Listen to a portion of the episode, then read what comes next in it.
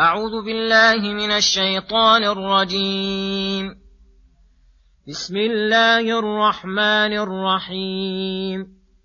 طه ما أنزلنا عليك القرآن لتشقى إلا تذكرة لمن يخشى تنزيلا ممن خلق الأرض والسماوات العلى الرحمن على العرش استوى.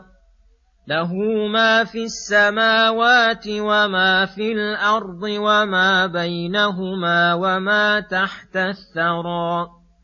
وإن تجهر بالقول فإنه يعلم السر وأخفى.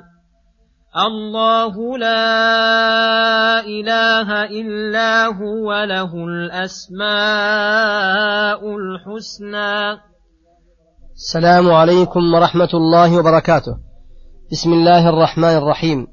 يقول الله سبحانه طه ما أنزلنا عليك القرآن تشقى.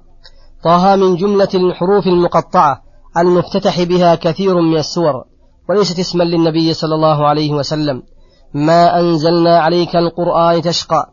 أي ليس المقصود بالوحي وإنزال القرآن عليك وشرع الشريعة لتشقى بذلك ويكون في الشريعة تكليف يشق على المكلفين وتعجز عنه قوى العاملين. وإنما الوحي والقرآن والشرع شرعه الرحيم الرحمن وجعله موصلا للسعادة والفلاح والفوز وسهله غاية التسهيل ويسر كل طرقه وأبوابه وجعله غذاء للقلوب والأرواح وراحة للأبدان. فتلقته الفطر السليمة والعقول المستقيمة بالقبول والإذعان لعلمها بما احتوى عليه من الخير في الدنيا والآخرة.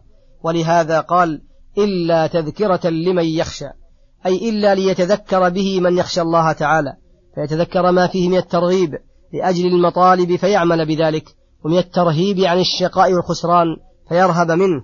ويتذكر به الأحكام الحسنة الشرعية المفصلة التي كانت مستقرا في عقله التي كانت مستقرا في عقله حسنها مجملا فوافق التفصيل ما يجده في فطرته وعقله. ولهذا سماه الله تذكرة والتذكرة لشيء كان موجودا إلا أن صاحبه غافل عنه أو غير مستحضر لتفصيله. وخص بالتذكرة من يخشى لأن غيره لا ينتفع به. وكيف ينتفع به من لا يؤمن بجنة ولا نار ولا في قلبه من خشية الله مثقال ذرة؟ هذا ما لا يكون.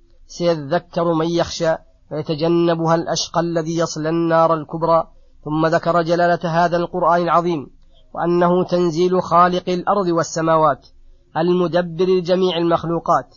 أي فاقبلوا تنزيله بغاية الإذعان والمحبة والتسليم وعظموه نهاية التعظيم. وكثيرا ما يقرن بين الخلق والأمر كما في, في هذه الآية وكما في قوله ألا له الخلق والأمر. وفي قوله الله الذي خلق سبع سماوات ومن أرض مثلهن يتنزل الأمر بينهن. وذلك أنه الخالق الآمر الناهي. فكما أنه لا خالق سواه فليس على الخلق إلزام ولا أمر ولا نهي إلا من خالقهم.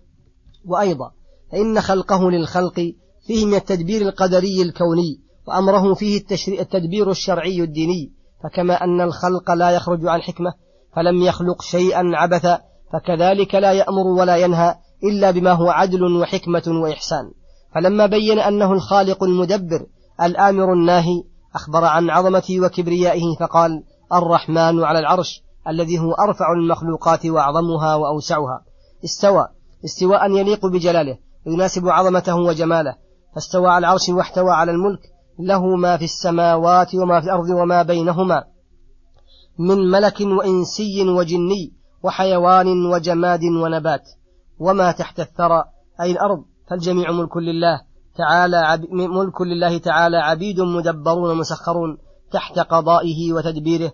ليس لهم من الملك شيء ولا يملكون لأنفسهم نفعا ولا ضرا ولا موتا ولا حياة ولا نشورا. وإن تجهر بالقول فإنه يعلم السر الكلام الخفي وأخفى من السر الذي في القلب ولم ينطق به أو السر ما خطر على القلب وأخفى ما لم يخطر. يعلم تعالى أنه يخطر في وقته وعلى صفته. المعنى أن علمه تعالى محيط بجميع الأشياء دقيقها وجليلها خفيها وظاهرها. دقيقها وجليها خفيها وظاهرها فسواء جهرت بقولك أو أسررته فالكل سواء بالنسبة لعلمه تعالى.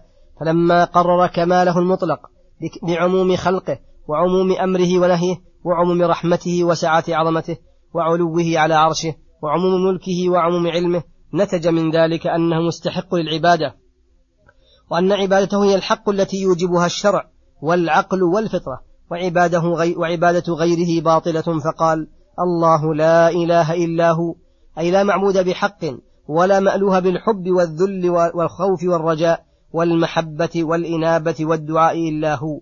له الأسماء الحسنى أي له الأسماء الكثيرة الكاملة الحسنى من حسنها أنها كلها أسماء دالة على المدح فليس فيها اسم لا يدل على المدح والحمد.